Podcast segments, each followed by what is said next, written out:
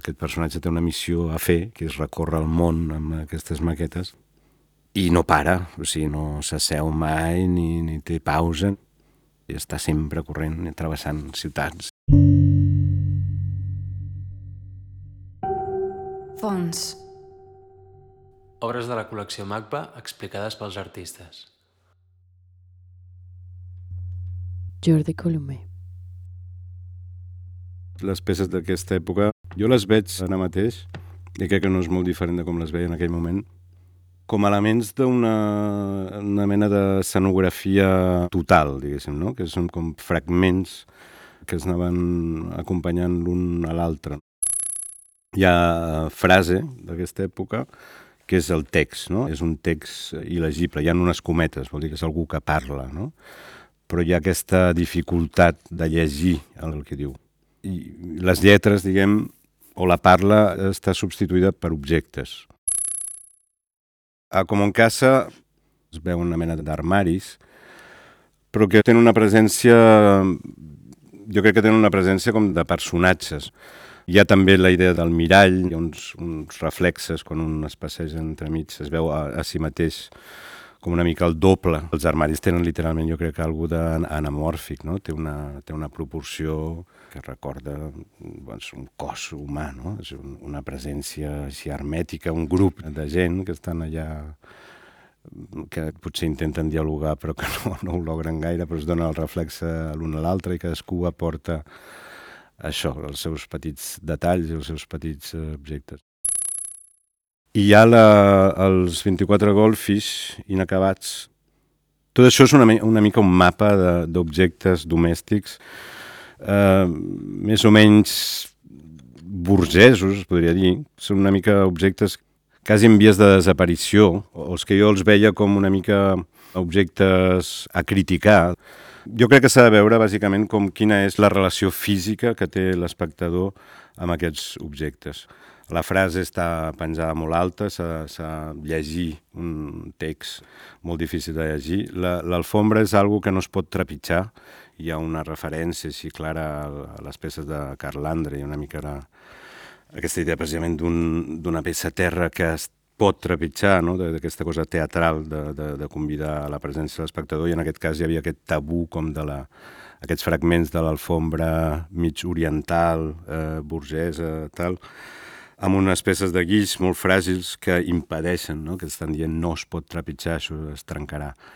O, el, o aquests armaris que són armaris hermètics, no? que estan tancats, en els quals no es pot entrar, que és bueno, aquesta idea de l'hermetisme també, si es vol, de, de la intimitat, però és el mateix hermetisme de la, de la frase il·legible o de l'hermetisme d'aquesta alfombra que no es pot trepitjar. No? Jo els veig, ja dic, com un conjunt d'objectes que formarien una mena d'escenografia possible d'una obra de teatre que jo crec que les peces després expliquen quins serien els, els personatges que, que es mourien per aquí, no? O, o quins són els personatges que tirarien aquests objectes per la finestra. Sí, hi ha una referència a certa geometria minimalista, però que tot el tractament és més aviat pobre, no? I, això és el més visible. Jo crec que hi ha una voluntat de ser pobre en la manufactura, en la manera de, de fabricar les coses, en la fragilitat, és cartró, és guix, eh, és una fusta pobra, hi ha una escriptura que es pot esborrar. bueno, és una mica el que jo tenia al cap en aquells moments el 93, 95, etc.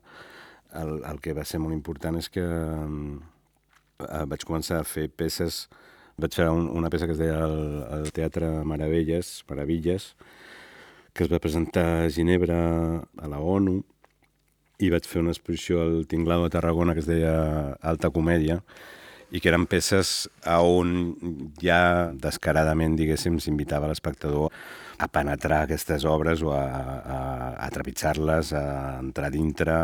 Hi havia mm, aquesta idea ja recurrent del, de l'escenari de teatre, de la, de la, diguem, de l'escenari de, de carrer, no?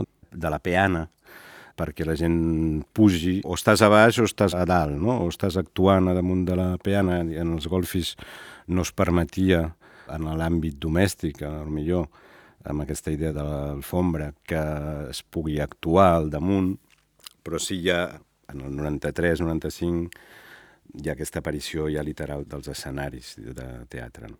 Són escenografies despullades, habitades, no se sap molt bé per qui, però que només tenen sentit quan algú està a sobre o quan algú està a dintre, no? I que és una miqueta la... Bueno, aquesta, aquesta perspectiva de qui és espectador i qui és actor, o que es pot ser espectador i actor en moments diferents, i és aquesta idea d'estar mirant o de ser vist o de poder pujar literalment, físicament, uns centímetres per ser vist una miqueta millor. I això és al principi una mica el motor també de la lògica que porta quasi tots els, els vídeos, per exemple. No? Fins i tot el que anuncia, jo crec, el lloc i les coses és que l'escenari eh, ja no és l'àmbit domèstic, sinó que és la ciutat. El lloc i les coses és una maqueta... Hi ha diverses referències, no? O sigui, hi ha una referència molt clara als arquitectons de Malevich, aquestes figures geomètriques blanques d'una una arquitectura eh, per construir, no? com, que avança com mons possibles, una mica d'un futur que ja, ja ha passat o alguna cosa així però literalment no, no pretén mostrar un model d'una ciutat que s'hauria de construir, sinó més aviat reconstituir un, el desordre d'una possible ciutat. Una mica l'operació d'utilitzar la maqueta no com un element de projecte, sinó com una representació d'algú que ja existeix. I llavors hi ha aquesta taula blanca il·luminada amb aquesta llum, que té aquesta component així teatral, diguem, i hi ha una taula a sota, mig amagada, en què els blocs ja són tous, hi ha algun que està mossegat, eh, hi ha com un submón més, més obscur. D'alguna manera també era com revisitar el que és la maqueta d'arquitectura, que és una cosa molt neta, molt feta per presentar això un projecte, i aquí és eh, presentar potser la, la part obscura possible d'una ciutat, no? que una maqueta també pot servir per, per representar coses més complexes que projectes de, de vida ideal, no?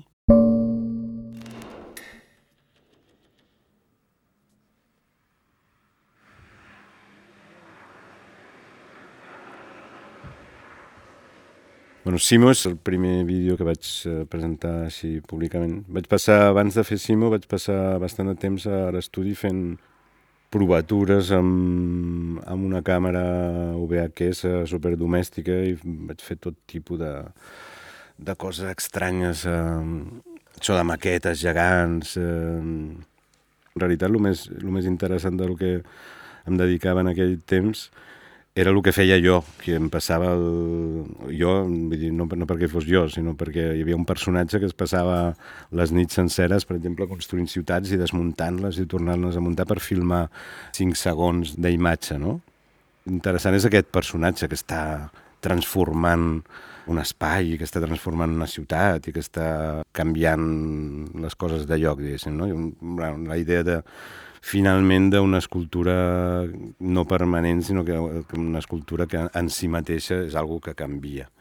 Llavors necessitava, necessitava un actor, una actriu en aquest cas, no? I jo havia conegut a la Pilar Rebollar, que és una actriu fantàstica, que feia de, de menina a la marquesa Rosalinda del Valle Inclán, a València i això, bueno, l'havia conegut eh, veient els assajos i tal, i, i ella és un personatge ja en si mateix eh, molt increïble, però a més a més té una relació, això que parlava de la relació física amb els objectes i tal, doncs ella era algú que posava aquesta idea mm, literalment des de la problemàtica, diguem, o des de la deformació. És algú que té una escala que no respon precisament als prototips ideals, no? S'ha parlat alguna vegada d'aquesta peça en relació, per exemple, a, la idea del modulor, no? de, de Le Corbusier, que és allò de les cases i els objectes es fabriquen per una persona ideal que té unes mides X, no? que el, el llombriu el té a 1,13 metre, que si aixeca la mà fa 2,26 metres, els ulls els té a 1,80... Vaja, és una persona de 1,83 d'alçada, clar, ella fa 1,20 metre, no? Llavors, tota la relació amb els objectes quotidians, els més normals, és una relació problemàtica d'escala. Aquesta... Jo, vaja, jo la, la vaig convidar i recordo que hi vaig anar així molt tímid, aviam si volia acceptar i tal, i em va dir, home, però si això és exactament la història de la meva vida.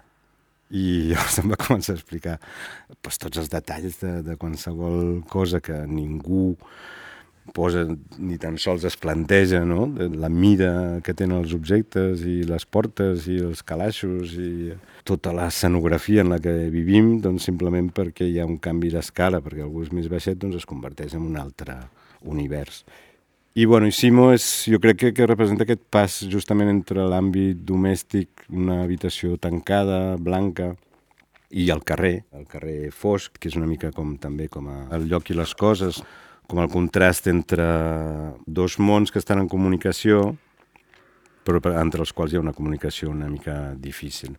Per mi l'exercici en Simo era això, de començar un espai blanc, una caixa blanca, no? la caixa minimalista, si es vol, traslladat a, a una cèl·lula domèstica mínima, no? una, una habitació blanca, que es comença a omplir d'objectes i que va formant una escultura que es transforma en el temps per l'acció d'algú. I que, bueno, una mica jo veuria Simo com el... Pues seria com l'escultor, o l'escultora, diguéssim, és el que som tots. Diguem que estem amb aquesta mena de maledicció que portem a sobre d'estar tot el dia i tota la nostra vida arrossegant objectes i canviant-los de lloc i transformant-los, intentant millorar la nostra relació amb, amb les coses materials eh, i a vegades es passa de voltes, com li passa amb ella, i s'acumulen masses coses i, i quasi no pot ni viure allà i ha d'abandonar l'habitació. No? Sí, hi havia bueno, això, una, una idea de portar una mica la percepció una miqueta a l'extrem, no? de, de tenir una sala tota vermella, que és, bueno, eh, històricament les sales d'espectacle eh, eren vermelles. El vermell afecta el nervi òptic, no? l'excita, i estàs eh, més predisposat a l'espectacle. És per dir-li a l'espectador, bueno, ja que vostè està en el rol d'espectador, sigui conscient d'aquest suposat rol d'espectador i fins a quin punt vostè és espectador o és un, una persona que s'està simplement asseient en una cadira i decidint una sèrie de moviments o de establint certes situacions amb les altres persones, amb el que està mirant a la pantalla. És una mica com una, si es vol, una mena de deconstrucció de tots els elements bàsics que formen pues, això, un, un, un conjunt espectacular. Aquest eh, personatge de Simo, que està així com condemnat a carregar els objectes, que a vegades s'ha parlat també que és com el contra personatge, el Simón del desert de Buñuel, no, que és una pel·lícula que em fascina, sobretot per aquesta idea de que és un personatge que està damunt d'un pedestal, no? això que parlava al principi de, de l'escenari, és una, una cureta que està al mig del desert, o sigui, en un lloc on no hi ha res, però està al damunt d'un pedestal. I de tant en tant fa les arengues i les eh, oracions amb el públic que el ve a veure allà al voltant, és una persona que vol renunciar a, al món material i al renunciar a, als objectes. No, no vol tenir cap propietat, cap, uh, cap armari, ni cap alfombra, ni, ni res semblant, no? Llavors, eh, Simo és una mica com si estigués emportada per, una, per al revés, per una obsessió. Però tots els objectes que té Simo, la majoria són, són de mentida, a més a més. Són, també són com objectes de teatre, no? Són de cartró, per exemple, Beckett, o sigui, no és casual que Beckett l'única pel·lícula que va fer la va fer amb Buster Keaton, no? I Beckett és, en cert moment és que es va transformar fins i tot, però és que el seu origen és aquest, és, és, és un autor còmic, burlesc, diguem, no? Però en el sentit de que, clar, l'humor entès d'aquesta manera és tot allò que no es pot dir d'una forma literal o directa l'has de dir a través de l'humor. I llavors, eh, a vegades l'humor és més tràgic que la tragèdia, no? Són registres, no?, de dir les coses. Jo crec que l'ironia, no sé, Sí, l'ironia ha estat molt extesa així en la història de l'art contemporani. Jo, jo no em sento tan identificat, per exemple, amb la ironia duchampiana o... Em sento més identificat, per exemple, amb el cine còmic, amb el cinema mut. Primer que posa moltes qüestions que m'interessen, per exemple, la relació amb la ciutat, la relació amb l'escenografia, eh, l'actor solitari, i Beckett, en certa manera, si, si se'l vol mirar des d'aquest punt de vista d'un autor, un autor burlesc. I Simó té bastant d'això, suposo. En un cert moment, com a escultor, diguéssim, perquè sempre m'havia considerat escultor fins a cert moment, ara ja, ara ja no ho sé, però fins a cert moment reivindicava aquest, aquest uh, rol de, de, de, de l'escultura, no? Eh, hi ha unes peces que es diuen operetes que, que eren com unes construccions metàl·liques, així, bastant tècniques i bastant fredes, que van penjar a la paret, i a les que s'incorporaven unes peces de fusta que tenen escrit els personatges, diguéssim, d'una opereta. Però el tema d'això és que jo demanava, en aquell moment, tenia un estudi al Poble Nou i demanava als veïns que vinguessin a estudiar i per tenir, el que m'interessava tenir escritures diferents i que era l'escriptura el que donava la singularitat del, del personatge. No? Llavors ja en aquell moment jo pràcticament no intervenia. Les escultures les dibuixava i les, les, les feia fer en un taller allà al costat, al Poble Nou, i les escriptures convidava gent a que vingués a escriure els noms dels personatges hi havia aquest interès de no intervenir manualment en la factura o en la realització material de les obres, que fos eh, altra gent que materialitzés les coses. Jo vaig estudiar arquitectura, igual eh, l'única cosa que reivindico d'aquell temps és que ja quan estudiàvem eh, el que m'agradava és que treballàvem en equip. I això sempre m'ha semblat molt important treballar en grup i treballar en equip, no? Això de la idea aquesta de l'artista solitari ja pintant el seu quadre eh? vull dir que ja està molt criticat i tal, però és que realment jo no m'hi sento gaire identificat, no? I les obres es fan i es construeixen també en el temps, no? Com, com fa Simo amb la seva habitació, les, les obres es fan amb gent que intervé, amb gent que incorpora coses. Abans d'anar a arquitectònia havia fet un vídeo que es diu El, el Dortoir, eh, que és difícil de traduir, no? El dortoir és com el dormitori col·lectiu, no? És això quan posen els nens allà a la guarderia, hi ha un, una habitació per dormir 30 persones, no? I aquest vídeo era això com 12 pisos, la gent estava dormint, el dia l'endemà d'una gran festa i l'única cosa que es movia en aquest vídeo era el, la pròpia càmera, diguéssim, que visitava aquests, aquests uh, pisos l'endemà de la festa. Aquest vídeo es va produir per l'Expo 02 a, a Suïssa, uh, hi havia una productora de París, una, bueno, hi havia així, una miqueta de mitjans d'això i vaig convidar també a molts amics a construir tots els objectes que s'havien de fer, i hi havia molta gent i tenim un hangar, vam estar un mes allà construint coses i tal. Estàvem rodant això dintre d'un plató tancat, amb càmeres i tal, i quan es va acabar aquest, uh, aquest vídeo, vaig dir, bueno, ja s'ha acabat això, jo no vull treballar així, precisament. El que hem de fer és uh, l'ideal de sempre, tres amics, uh, agafem i estarem viatjant, i ens gastarem la quarta part dels diners i ens passarem dos mesos a cada ciutat i aquesta serà la, la manera de produir, diguéssim, no? I bueno, vam estar dos anys amb el Jordi Encinas i amb el Marc Viaplana.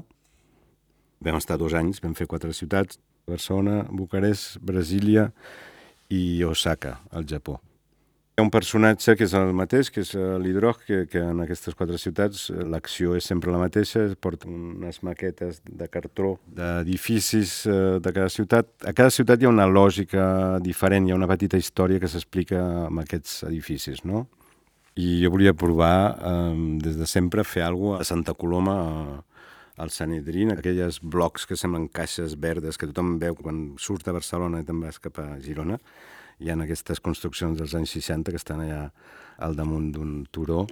I em semblava que era una de les imatges de Barcelona justament que no era la imatge eh, turística habitual o no és la Sagrada Família ni tal, però que era una de les coses que identificava Barcelona i per mi suposava com un, un dels límits geogràfics l'exercici era, bueno, anem a veure on, on podem dir que s'acaba Barcelona, no?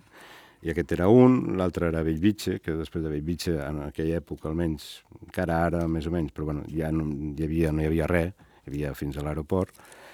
I l'altre és quan s'estava construint el, el fòrum, ja no hi havia aquell tros de la Diagonal, no existia, no hi havia res, i era el límit també històric una mica, no?, de què s'està fent ara.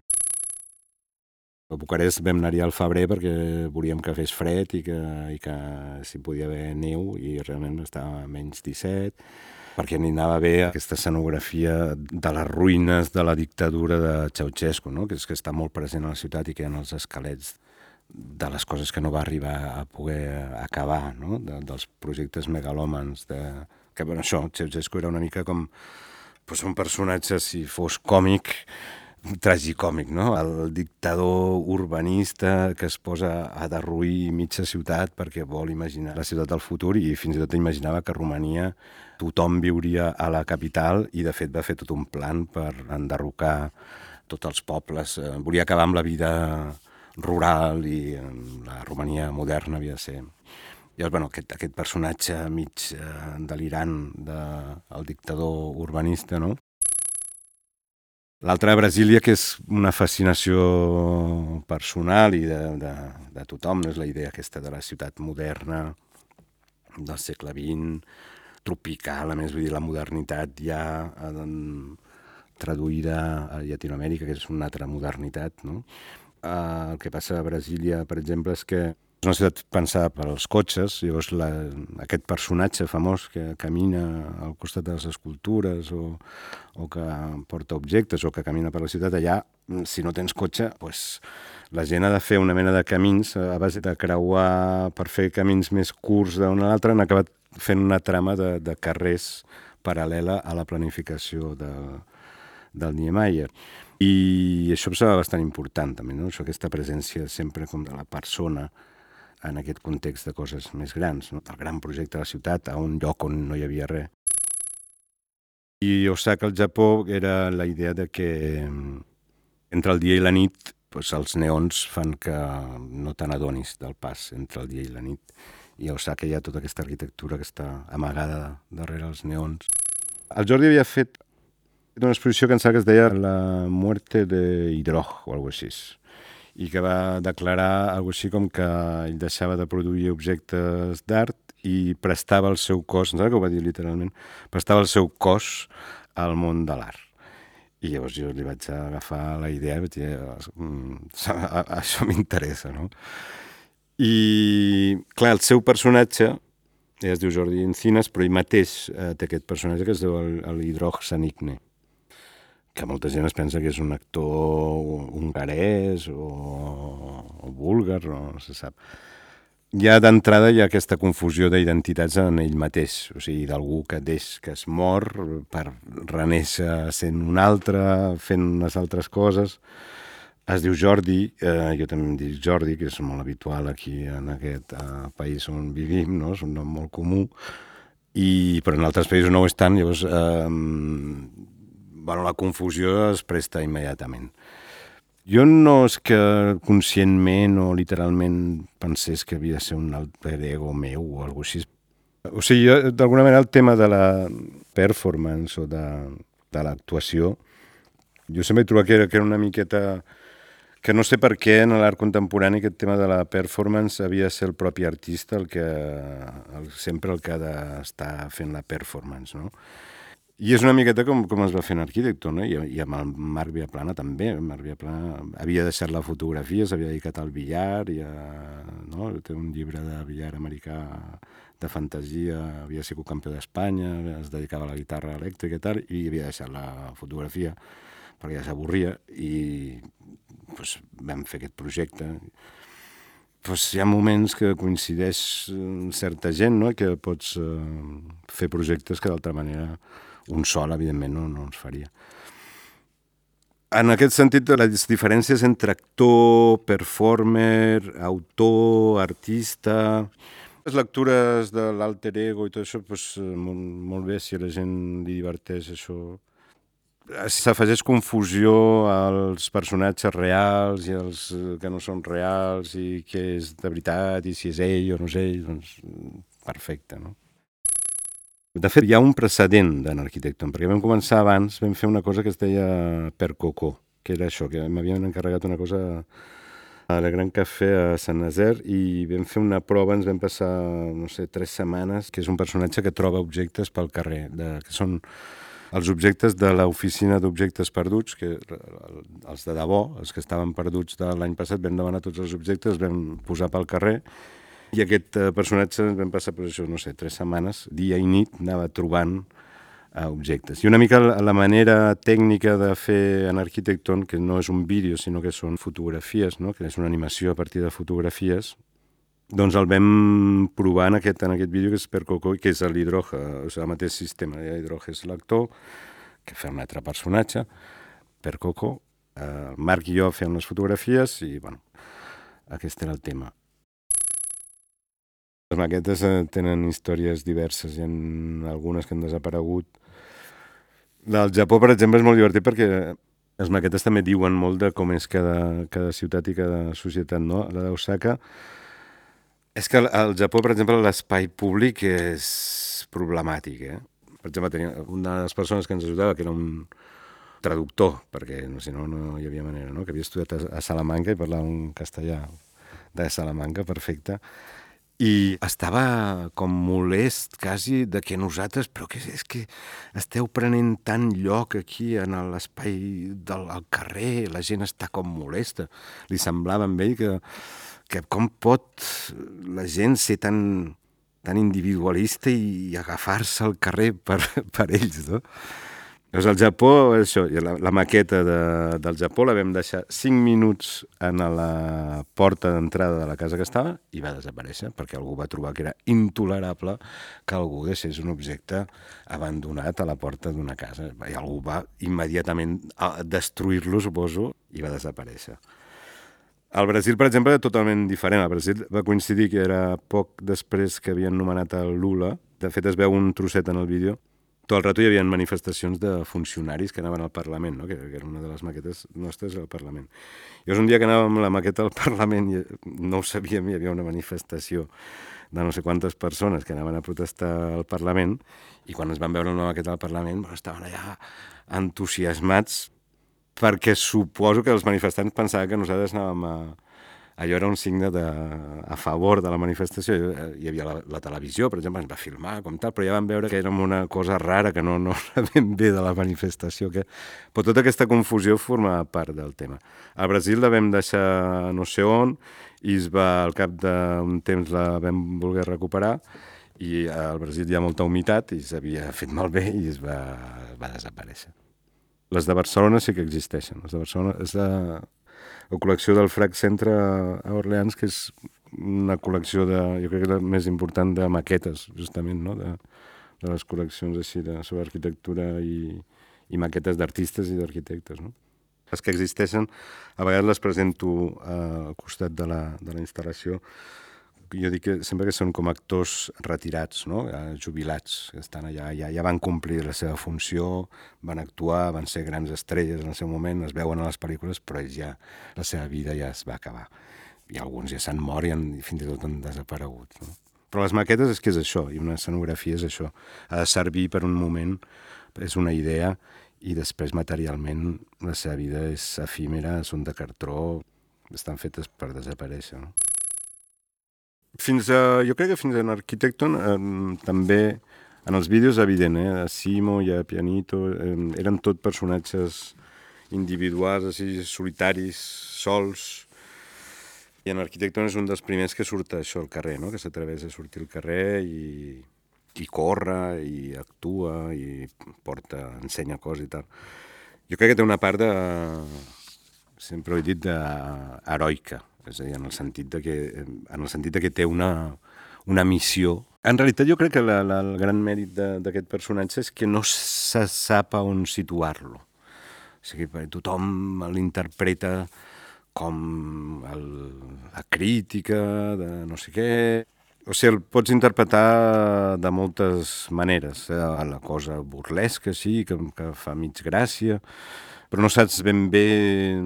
O sigui, si té alguna gràcia és que no porta cap missatge que puguis traduir d'una altra manera, precisament. No? no pots dir, ah, sí, és que ha criticat l'arquitectura dels anys eh, 80, no sé, no. És que és un personatge que habita aquests jocs i els hi dona sentit. Només per, passant per davant del Palau del Ceausescu com una maqueta d'un edifici inacabat, la, el mèrit que té aquest personatge és que només amb això, un pal i un d'això, fa que et plantegis eh, veure d'una altra manera aquell palau i aquesta maqueta i, i el personatge. No? En aquest sentit sí que té el mèrit de ser com un personatge també d'aquests que et pots identificar no sent per res un actors estudio, per entendre'ns, et pots identificar amb aquest personatge en el sentit de que, de que tu podries estar corrent amb una maqueta i recorrent al món, no?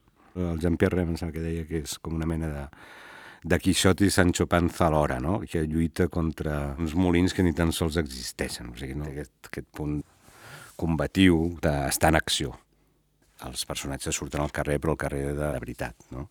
I és una mica anunciar que això, que el pròxim escenari és sortir de l'àmbit domèstic i obrir les portes, tirar tots aquests objectes per la finestra i que l'escenari important de debò és la, el carrer